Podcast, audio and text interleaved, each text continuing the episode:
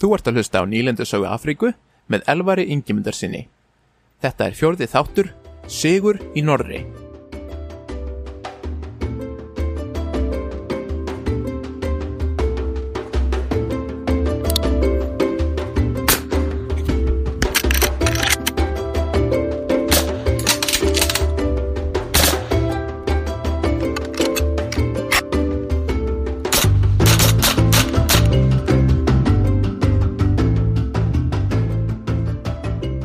Síðasta þætti rættum við um orustuna við Rockstrift og eftirmála ósögusins við Ísland vana. Í þessum þætti munum við ræða um bardaga norðurfylkingarinnar í marsmánuði 1879 undir stjórns Woods Offusta sem háðir voru í fjallendinu í norður Súlulandi. Þegar hann frétti af ósögurunum við Ísland vana 22. janúar ákvað Wood Offusti að hörfa frá norðurhluta Súlulands og einbeita sér að vörnum útrækt síslu. Útrækt sísla var hvít landnemabyggð á landamæru Súlulands, þar sem Súlumenn hefðu veitt búum leifi til að setja stað. Útrækt sísla hafði verið hluti af Suður Afríska lífveldinu, eða Súdafrikanissi republik eins og búar kölluðu það, eða Transvaal lífveldinu eins og breytar kölluðu það, frá 1860 og allt þetta breska heimsveldið innlimaði Transvaal lífveldið 1877. Wood og hermenn hans yfirgafu nú herstöðarnar við Tintas Kopp og hörfuðu norður til Kambúlahæðar þar sem þeir byggðu nýtt virki. Þaðan háði rittaralið norðurfylkingarinnar undir stjórn Redvers Buller undiráfusta skæru hernað við nálega Súluættbólka, aðalega Abakolútsi ættbólkin og fylgismenn Svasi-prinsins með blíni sem hafi verið gerðir útlagur frá Svalsílandi og var nú bandamæður setis vegjó. Búler sjálfur hafi barist lengi í Afríku, upphæglega í Ashanti-stríðinu í Vestur Afríku og setna í bardaganum gegn Sosa-ættbólkinum í höfðanílendunni. Rittaralið Búlers voru ekki hermun og breska hernum, heldur sjálfbúðaliðara sem hefði verið kallaðið saman bæði í bresku höfðanílendunni og í transfallíveldinu. Flestar hersveitnum voru litlar um 100-200 menn og báru nöfn eins og transfall könnunarliðið kaffirísku rifslatnir og landamæra rittaraliðið. Meira hlutan af mönnunum í þessu rittaraliði voru hvítir landnemar, bæði englendingar og búar, en margir Afríkumenn frá höfðanílindu hefðu einnig gengið til liðs við rittaraliðið. Búler myndaði reglulega 300-400 manna flokka með því að setja saman nokka rittaraliðsveitir og notaði þær til að herja á súlumenn frá Kambúlavirkinu. Rittaraliðanir lögðu áherslu á það að brenna þorp og akra súlumanna og stela búfínaði þeirra til að reyna neyða þá til uppgjafar. Vegna þess að þeir voru ekki hluti af sjálfbóðleðunum frá Natalnýlendunni fengu þeir ekki enginnisbúninga frá Breska ríkinu. Heldur bundu þeir rauða tópaksklúta á hatta sína til að sína að þeir væri vinnvættir Breska heimsveldinu og fleiri en eitt bresku fórengi sagði þá minna meira á sjóraningja í útliti heldur en almenlega Breska hermenn. Þegar Setisvegu áttaði sig á því að breytar hefðu engan áhuga á því að semja frið við hann, neittist hann til að kalla konunglega herin saman aftur í Unundi. Eftir sigurum við Ísland vana höfðu margir menn og konunglega hernum farið heim til að jafna sig eftir herrferðina og snýru nú aftur til hyrðar konungsins.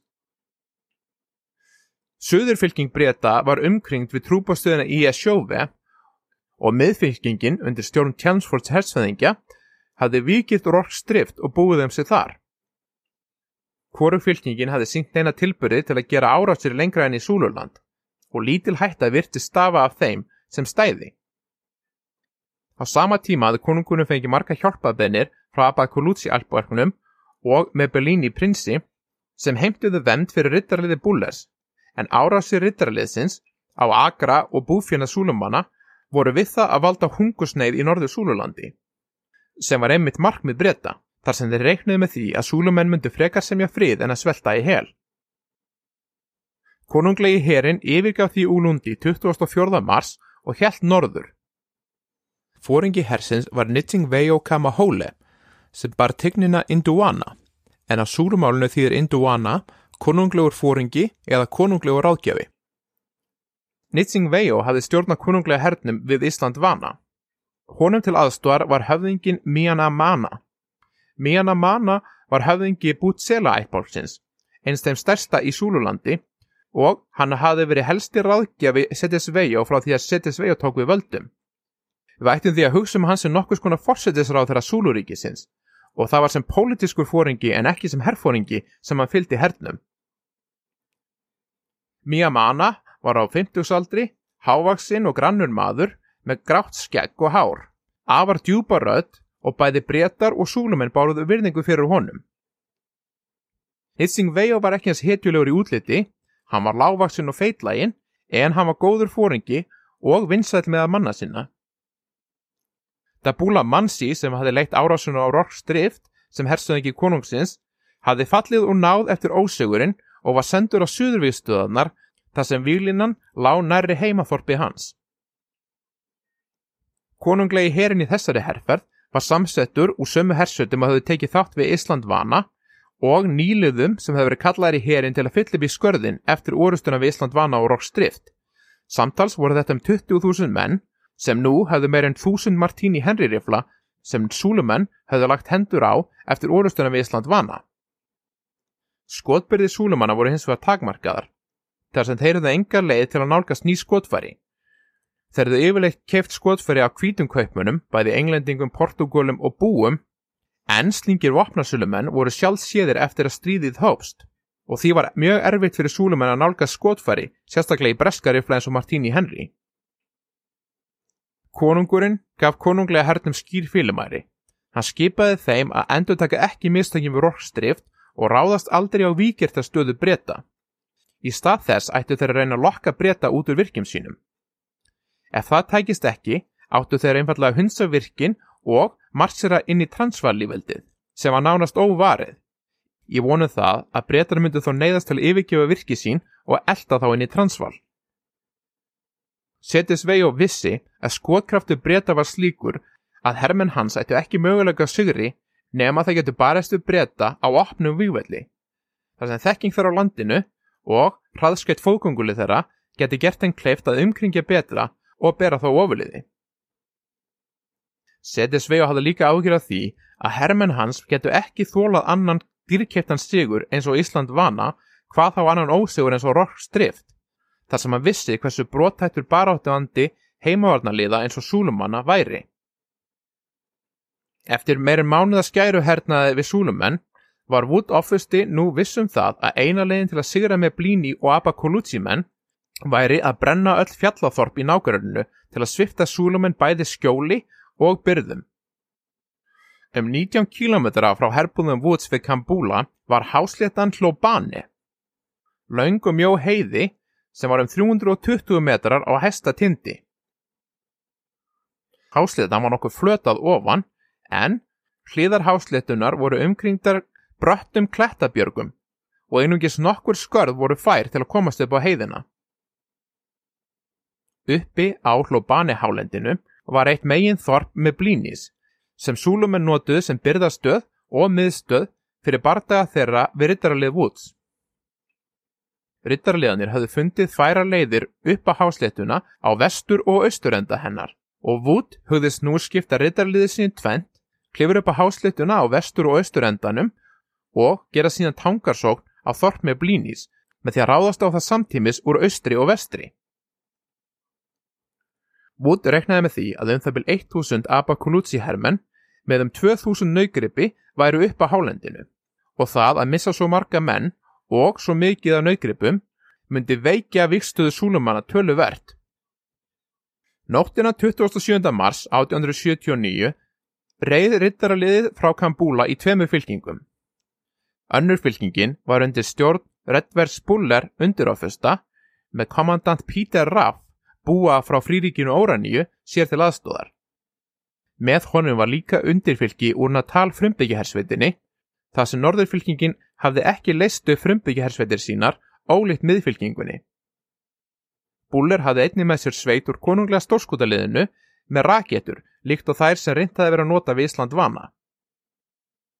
Hinn hersveitin var undir stjórn J.C. Russell undiróffusta.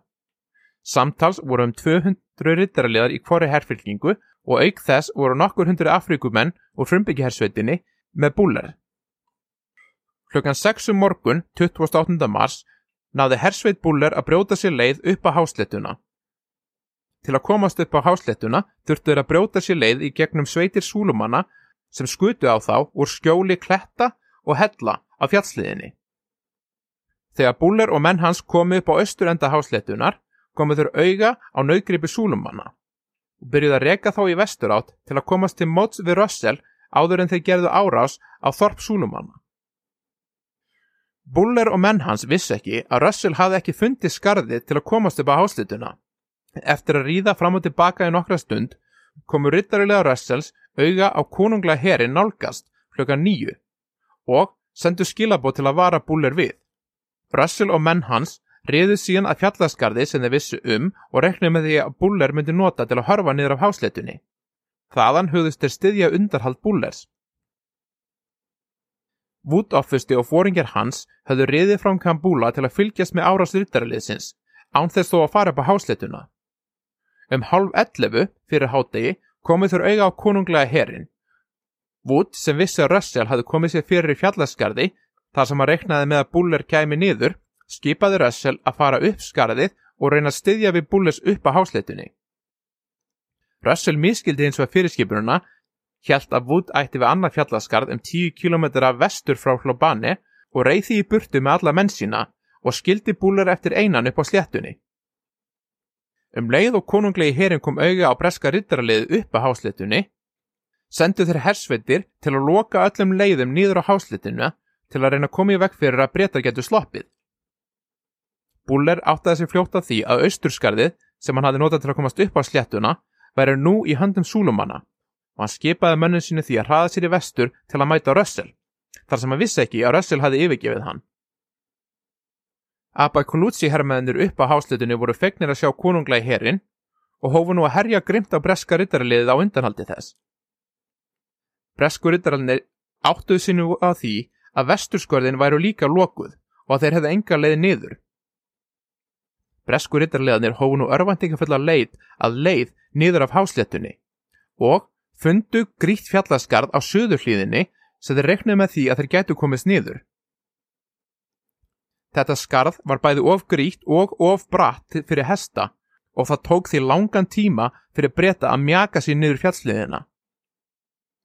Súlumenn komi fljótt auga á þá og hófu nú að skjóta niður á þá, aug þess sem hópar súlumanna eldu þá niður í skarðið til að berjast við þá í návíi. Darcy, höfusmaður í rittaraliðinu, lísti atbyrunum á þessa vegu. Ég varð að stoppa á brúninni vegna þess að við vorum nú á undanhaldi og Súlumann heldi við stöðri skotrið á okkur úr Martini Henry riflum. Þegar ég sá allir okkar menn voru nú að leiðinni niður á hvað ég er en að bjarga sjálfu mér. Ég var komin halva leiðin niður þegar bjarg á starfi lítið píjano hrundi niður á okkur. Ég herði eitthvað trópa gætið að ykkur fyrir neðan.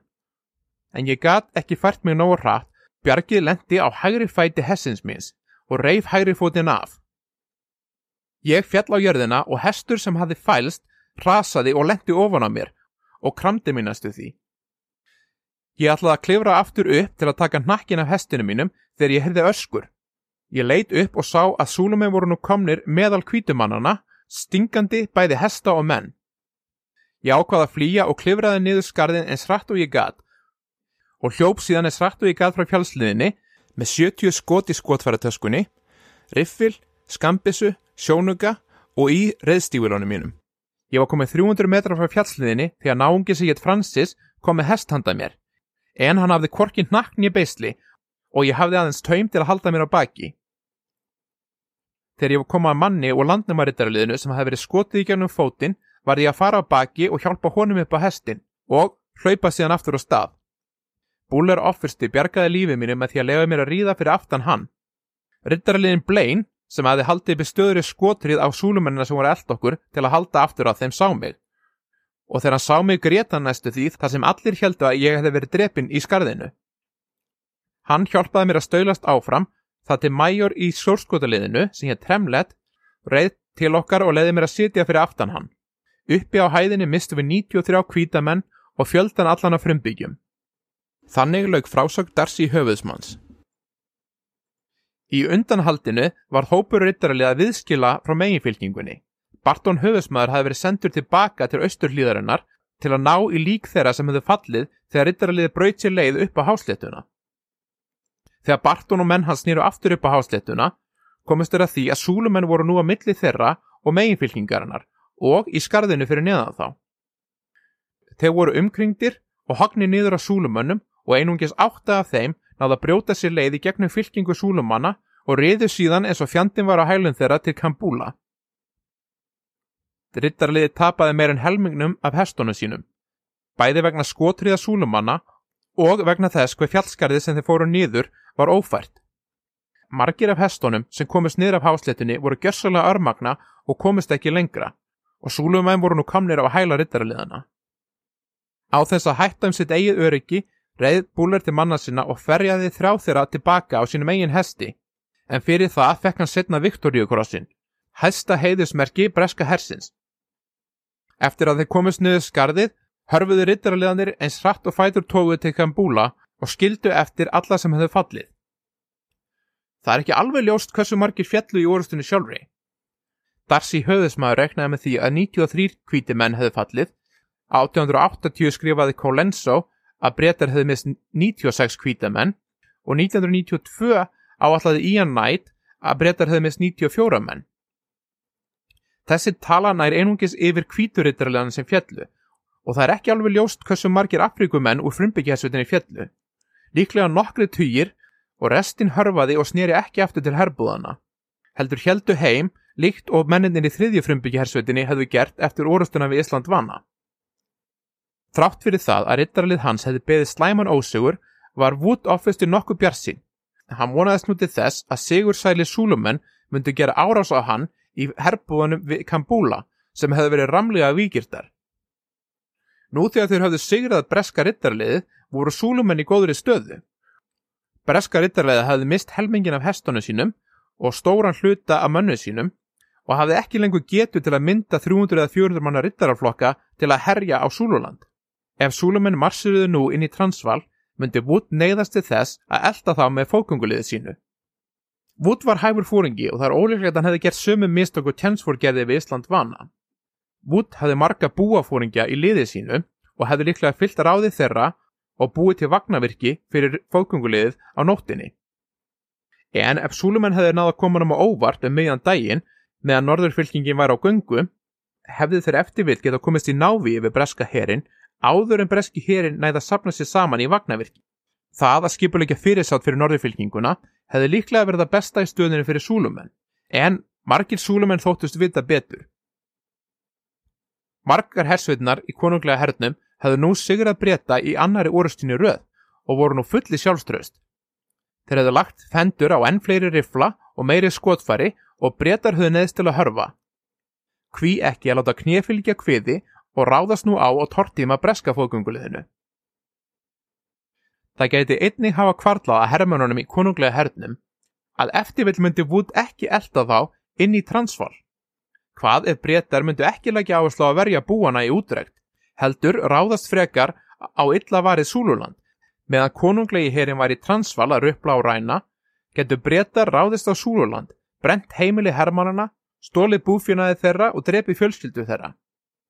Akkur er að taka áættuna? Akkur ekki bara ráða strax á breyta og fara síðan heim. Súlumenn marsuruð því að með flósjáni, rúmlega 20 km frá herbúðunum við Kambúla. Herbúður Woods og norðurfylkingarinnar voru staðsettar á hæðarrygg sem breytar kölluðu Kambúla en Súlumenn kölluðu Nagabaka Havana eða Havanavirkið. Norðan við herbúðunar var grasi vaksinn brekka og fyrir sunnan þær var dalur umkrindur klættasillum. Nokkur undir metra fyrir austan herbúðunar var lítil hæð, þar sem breytar hefðu grafið djúpa skurði og nota jarðvegin úr skurðunum til að mynda veggi við skurðina, nokkur skona fyrirrennara skografana. Suður frá þessu jarðvirki lág girðing niður á litlu vagnavirki sem var nota sem kví fyrir auksana sem dróðu vagna herfylgingarinnar. Megin virkið, nokkur undir metra vestan við hæðina og auksagirðinguna, var stort vagnavirki Vagnandin í virkinu hefðu verið hlekkjaðir saman líkt og búar hefðu gert í bardagana við blóða og meðfram vagnalínunni hafði verið grafin skurður og jarðveginum kastað upp af vagnunum til að mynda lítinn moldavegg. Þetta var virki sem búar hefðu verið stoltir af sem er ekki að fyrða þar sem margir af fóringjum Woods voru búar, líkt og Raff, kommandant, sem, þrátt fyrir að vera búi, átti langan feril innan breska hersins. Til að verja virkið hafði Wood 2086 hermenn. Hann hafði 8 undirfylki og 90. fóðgunglishersvetinni og 7 undirfylki úr 13. fóðgunglishersvetinni.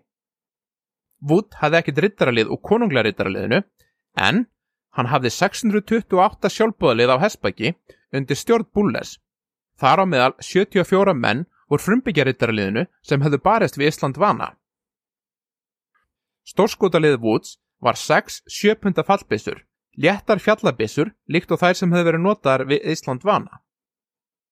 Menninir úr frumbyggjarsveitinni hefðu, líkt og þeir gerði við Rorkstrift, stungið af áður en orðastan hóst og tóku ekki þátt í henni. Morgunin 29. mars, daginn eftir orðastana við Hlóbani, vakti Wood menn sína elsnema morguns fyrir dögun og skipaði þeim að borða morgumat og taka sér sína stöðu á virkisvegnum. Súlumenn voru ekkert að flýta sér og voru hverki sjáanlegi við dögun og Wood hafði töluverð ráðgjur að því að þeir myndu ekki ráðast á Kambúla og í staðinn ráðast á Transval sem var nánast óvarið. Eftir þau gert það hefði hann þurft að yfirgefa virkið og elda þá. En vonir hann sem að Súlumenn myndu gera árás voru við það að rætast þar sem Súlumenn voru nú að koma sér fyrir í nöytshorfsfylkingunni til að umkringja virkið, líkt og þeirðu gert við Ísland vana. Yfirfóringar konunglega hersins hafðu ráðlagt mönnu sínum að gera ekki árás á bresku búðurnar þar sem það varu ofvíkirtar. En bæði hermennir og fóringar hersveitana sem voru kjörnir af hermennunum heimtuðu að gera árás og hersöðingja súluhersins gáðu eftir. Það hversu litla stjórn bæði konungurinn og hersöðingjar hersins höfðu á hernum að súluherin var ekki atvinnuher heldur heimaordnarið. Miklu líkari enska hernum á miðöldum heldur en breska hernum 1879. Ólíkt Chelmsford skildi Wood hversu hættulegt var að sundra liðinu frammi fyrir óvinnunum og meira lutina hermónunum voru því í stóra vagnavirkinu. Eitt undirfylki úr 90. hersveitinni og tvær fallbissur voru notaðar til að verja hæðina fyrir austan vagnavirkið. Eitt og hálft undirfylki úr 13. hersveitinni var sendt til að verja auksagirðinguna fyrir sunnan hæðina og meira lutinum á stórskotaliðinu, fjórum fallbissum, var komið fyrir á hæðarhegnum milli vagnavirkisins og austurhæðarinnar. Vegna þess að súlumenn virtust ekkert vera að flýta sér, skipaði Wood mönnu sínum að setjast niður og borða hátægismat áður en orustan hæfist. Á meðan voru skotfæri flutt úr byrðavögnunum og að výlinunni. Ólíkt því sem gerist við Rorkstrift myndi enginn þurfa að hlaupa berskjaldadur í gegnum skotri súlumanna til að koma skotfærum til hermannana á výlinunni. Eins og venjulega skipti súluherrin sér í meginfylkingu, hægra horn og vinstra horn. Meginfylkingin samastóða sjö hersveitum, vinstra hornið af einni hersveit og hægra hornið af einni hersveit. Konunglegi herrin var einnig stuttur af stórum hópi hermana úr Apokolútsja-epoknum, sem hugðust nú hefna fyrir árásir og ofbeldi breska rittaraliðsins. Þar sem Súlumenn nálguðist mjög varlega, hafði Wood áhugir af því að ef hægrahornið, vinstrahornið og meginfylgingin gerðu öll árás á sama tíma getur þau borið breska virkið ofurliði þrátt fyrir skokraft breytana. Hann var því fegin þegar hann sá að hægrahornið nálgæðist magnavirkið mun hraðar heldur en vinstrahornið og meginfylgingin. Klokkan hálf tvö eftir hátdegi var hægrahornið komið þrjá kílometra frá virkinu en meginfylgingin og vinstrahornið voru mun fjær. Nitsing Veokama Hóle hersöðingi hafði mist stjórn á hægrahorninu þar sem hann gati ekki lengur séð það fór stöðu sinni. Við vitum ekki ákveður hægrahornið fór miklu hraðar en hinnar fylkingarinnar. Kanski heldu þeir að vinstrahornið og meginfylkingin væri tilbúin að gera árás og kannski vildu þeir heiðurinn af því að vera fyrstu menninir til að brjóta sér leið inn í breska virkið. Hvað sem því líður voru þeir nú berskjaldadir á brekkunni fyrir norðan virkið. Wood greip tækifærið og skipaði Buller að safna saman hundra rittaraliðum. Buller gerði það í snarraði og þeir riðu nú frá virkinu og að hægra hortni Súluhersins. Til að komast að vagnavirkinu myndi norður hort Súluhersins þurfa að sækja upp grasivaksna brekku. Grasi var ekki nógu hátt til að svela súlumennina og þeir myndi því ekki hafa neitt skjól fyrir skotrið breska hersins. Þegar þeir sáu rittaraliði nálgast, fóru þeir súlumenn sem hefðu rifla fyrir framann meginfylkinguna og hófu skotrið á bretana. Margir súlumenn voru nú vopnaðir Martini Henry riflunum líkt og breski herin. Martini Henry riflin sem var notaður í súlustriðinu var með stillanlegu hjártsikti sem hægt var að stilla frá 100 og upp í 1800 metra eftir því hversu langt skotmarkið var frá skittunni. Vandamálið við bissukúlur er það að þær fara ekki í beitni línu, heldur byrja þar að lækka flugið um leið og þær yfirgjöfa bissulhaupið. Það má því segja að frá skittu og að skotmarkið sé hægt að draga bógadregna línu. Þegar sikti á rifli eins og Martini herririflunum er stilt á 1800 metra, fellur kúlan til jarðar þegar hún er komin 800 metra frá riflinum og lendir því á staðnum sem var miðað á.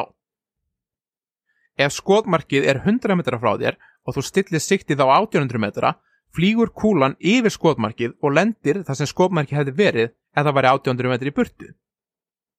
Súlumenn í þessu stríði verðast ekki hafa stilt siktin meðan þeir voru í bardaga. Fyrir bardaga hafði þetta þann síð að færa siktin upp á 800 metra, þar sem þeir vissu að það var lengsta færið en það þýtti að þegar breytar voru konið nær, líkt og rittaralið Woods var nú komið, fór meira hlutin að skotri súlumanna langt yfir þá og var því mjög ónákvæm. Á sama tíma voru breskir fóringjar þjálfæri því að skipa mönnu sínum að endurstilla siktin á riflunum reglulega. Þegar bresku fóringi í súlustiðinu gaf því skipunum að skjóta, byrjaðan á því að skipa mönnu sínum að stilla siktið á rétt færi og skjóta síðan. Og þetta var því þetta megin hlutverkum fóringja í breska hernum. Konunglegi Súluherrin hafði aldrei verið þjálfaður í meðferð skotvapna skipulega og Súlufóringjar voru því ekki eins vel þjálfaður og breskir í að stjórna riffilskittum. Þegar Buller og menn hans voru komnir í riffilfæri við hersveitina í hægra hortin Súluhersins stegu þeirra baki, komið sér fyrir í langri fylkingu og hófu að skjóta í skotrinum sem þýtti allir menn í fylkingunni skutu á sama tíma, hlóður riffla sín upp á nýtt og skutuð síðan allir saman aftur. Um leið og þeir örðu fyrir fyrstu skotrununni hrópuðu súnumærinir úr sjútú sem var heróp þeirra og gerðu áhlaup á breska rittaraliðið. Bresku rittarinni stukkunu á bak og hörfuðu í átt af vagnavirkinu en stoppuðu með 50 metra millibili til að skjóta á súnumenn af hestbæki. Svo fráir voru súnumenn á fæti að oft voru þeir næstuði búin að ná rittarunum en þeir náðu alltaf að hörfa á síðustu stundu. Flesti rittarannir riðu aftur á vagnavirkinu þar sem fólkungliðið ítti einu vagnir til hliðar til að mynda hlið fyrir þá en herrmæðunir úr frumbyggjarittaraliðinu riðu til hliðar við virkið og hófa skjóta á súlumenn frá hlið. Um leið og rittarannir voru konur aftur til virkisins stukku þeirra baki og klifruðu upp á vagnuna þar sem fólkungliðanir hefðu komið sér fyrir. Þegar súlumenn komu herra upp í brekkuna fyrir norðan virkið komu stórskoðuleganir á hæðarhegnum auga á þá og hófu nú að skjóta sprengikúlum inn í raðir súlumanna. Sprengikúlur þessa tíma voru einfallega lítil sprengilhæsla umkrynd járkúlum í koparhelgi með kvellettu framann á. Þegar kvelletan lendi á jörðinni, kvekti hún í sprengilhæslunni og járkúlunar flugu í allar áttir. Þegar sprengikúlunar lendu mitt á meðal súlumanna, tættu þar bóstálega hermennina í sundur og byggu til skörð í výlinu súlumanna. Það sem miðfylking Súluhersins og Suðurhornið voru ennþá langt í burtu fóru flestir fólkunguleganir að norðurlið virkisins og þegar Súlumenn voru konur í 800 metrar færi hófu þeir skotrið. Þeir skuttu hverri hríninu á eftir annari og þegar Súlumenn voru konur í 300 metrar færi var skotriðin orðin svo hörð að framlýna Súluhersins var einfallega tætt í sundur. Nokkri Súluhermenn heldu áfram að sækja fram en flestir köstuðu sér á jörðina og reyndu að leita skjóls. Það sem nánast ekkit skjól var að finna á grasivaksinni hæðinni byrjuði þau nú að hörfa og hlupunuðu brekkuna. Klukka var nú orðin korter yfir tvö eftir hátdegi og vinstrahornið og miðfylkingin gerðu nú árás til að reyna að styðja félaga sína í norðurhorninu. Megin fylking Súluhersins gerði árás á hæðina fyrir austan vagnavirkið sem var varin af tveimur fallbissum og undirfylki úr 90. hersveitinni.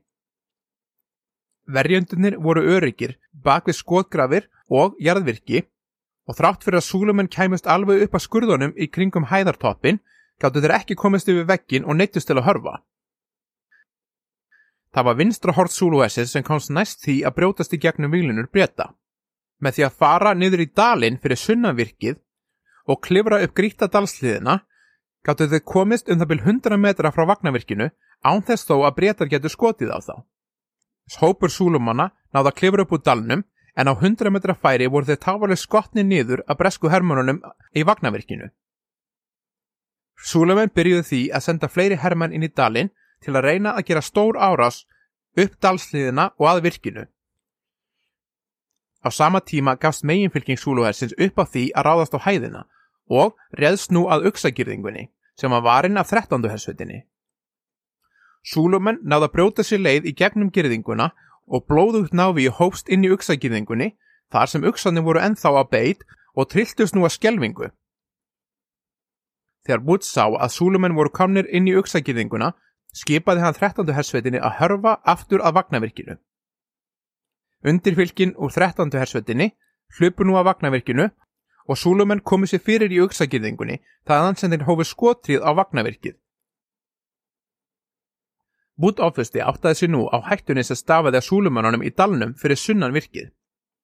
Meðan breytar heldu auksagirðingunni örðu Súlumenn sem komu upp úr dalnum fyrir skotrið bæði að framann og frá hægri. En nú, þegar auksagirðingi var í höndu Súlumanna, gæti þess sótt upp frá dalnum stuttir af skotriðinni frá auksagirðingunni sjálfri. Klukkan þrjú eftir hádegi kallaði Wood offisti því Hackett Major og 90. hersveitinni á sinn fund og skipaði honum að taka tvö undirfylki úr 90. hersveitinni og sækja söður frá virkinu þangað til hann kæmi að brún dalsliðarinnar. Hackett og hermenn hans hlupu nú frá virkinu og að brúninni á dalsliðinni. Þaðan hófið þeirra skjóta nýri dalinn. Skotriðin kom Súlumanni gersalega á óvart og þeir neittist til að hörfa á dalnum. Þátt fyrir að hafa náða að reykja súlumenn úr dalnum voru Hackett og menn hans nú berskjaldæðir fyrir skotrið bæði frá hægri og vinstri. Fyrir vestan þá var russlahaugur norðurfylkingarinnar og þar höfðu riffilskeitur súlumann að komið sér fyrir til að skjóta á Hackett og menn hans og súlumennir í uksagirðingunni gáttu skoti beint á þá úr austri. Vegna þess hversu berskjaldar Hackett og menn hans voru skipaði Wood þeim að hörfa aftur að virkinu. Hackett Major var fyrir bissukúlu í andlitið og var fluttur illa særður inn í virkið á nýjanleik. Bullar undirhófisti hafði á sama tíma komið auga á súlumennina á ruslahögnum og skipaði rittarliðin sínum að skjóta á hann. Súlumenn neittust til að hörfa frá ruslahögnum og eftir orustuna fundust lík 62 súlumanna sem höfðu fallið í skotrið breska rittarliðsins. Millir þrjú og fjögur gerði megin fylking Súluhersins ítrekkar árásir á hæðina fyrir austan vagnavirkið en voru hraktir tilbaka með illan leik í hvers skipti. Klukkan hálf fimm eftir hádegi höfður leifarnar af norðurhorni Súluhersins sapnað kjarki og gerði nú aftur áhlapp á norðurhlýðina. En útkoman var aftur svo að riffil og fallbyrsuskotið breska hersins bar þá ofurliði áður en komist af vagnavirkinu. Klukkan 5 eftir hátegi var orðið ljóst að súlumenn varu komnir á síðasta snúning. 13. hersveitin gerði nú bissustingja áhlaup á auksagirðinguna og hrakti súlumenn tilbaka. Þegar auksagirðingin hafi verið tekin, sótti 19. hersveitin aftur suður frá virkinu og hóf skotrið á súlumenn sem voru konur aftur inn í dalinn fyrir sunnan virkið. Konunglegi herin hóf nú undanhald og Wood offusti skipaði rittarliðinu að fara á bak hestun sínum og elda óvinnin. Þegar þið sáu rittarliðin nálgast kom skjelving á úrþreikta súlumennuna og undanhald þeirra var það skipulagslausum flótta. Rittarliðið eldi þá og skaut niður eins marga súlumenn og það gat. Sumi rittarliðanir voru búar og myndu eftir bardaganum við blóð á. Aðrir myndi eftir bardaganum við Ísland vana og hló bani og hvernig Súlumenn höfðu tekið alla breska fanga af lífi þar. Engin miskunni var því synd og engir Súlumenn voru teknir lifandi. Þeir sem reynda að gefast upp voru annarkvort skotnir eða skortnir á háls og sumir rittaraliðarnir þegar skotverði þeirra kláruðust tóku upp spjóðfallina Súlumanna og notuðu þau sem lensur. Sjerenbrúker, sem var búi og kommandant í rittarliðinu, lísti atbúrrásinni á þennan veg. Ég stjórnaði hægri fylkingur rittarleysins, Búlar Office stjórnaði miðjunni og Russell offusti stjórnaði vinstri fylkingunni. Við rákum flóttan í 11 km þar til Súlumenn reyndi að fara yfir umblósi ána. Við riðum fyrir fylkingu þeirra og hröktum þá tilbaka. Þeir hlupu eins og dátir en við eldum þá eins og kvirvilvindur og skutum stöðugt inn í þjættar fylkingar þeirra sem hljóta að hafa samastæði af allavega 5.000 mönnum. Súlumenn voru nú átnir gjössanlega úrvinda og það hefði tekið of langan tíma að skjóta þá alla. Svo við tókum spjót frá fallnum súlumönnum og riðum niður þá sem voru lifandi og rákum þá í gegn hægri og vinstri til að hefna fyrir ófærur okkar daginn áður. Engin miskun var sínd. Þannig lög frásög Sjerenbecker. Þegar rittarlið snýri aftur til Kambúla var orðið ljóst að súlumenn hefðu mist allavega 3000 menn fallna og fleiri særða. Breskiherrin hafði einungis mist 26 fallna og 57 særða. Tíu særðir menn dói fljótt og lokatala var því 36 fallnir og 47 illa særðir. Þar á meðal Hackett Major sem var blindur á báðum augum eftir að hafa verið skotin í andlitið. Breski herin hóf nú að grafa fjöldagrafir fyrir súlumennina og bresku hermennir sem voru sendir til að sapna líkum súlumennina þurftu oft að sapna líkamslutum í póka. Svo grátt hafðu sprengikúlu stórskotaliðsis leikið súlumennina. Orustónan Kambúla breytti gangi í stríðsins. Það var ekki lengur neyn þörf fyrir breyta til að vera í vörð. Bara áttu andi konunglega hersins var í mólum og fjörðungur hans lánu fallin á vývöldunum við Íslandvana, Rorkstrift, Hlóbane og Kambúla. Þegar hann herði af ásýrunum saði Setisvei og konungur við ríkistjórn sína að sigur í stríðinu væri ekki lengur raunhafur möguleiki. Bretar voru nú í kjörinni stöðu til að hefja lokasóksinni í Súluland, til að ná höfuborginni, handtaka konungin og binda varanlegan enda á óknina sem henn stafaði frá Súlulandi. Takk fyrir að hlusta á Nýlendu sögu Afríku. Ég vona að þið hafið haft gaman að og við heyrumst í næsta þætti.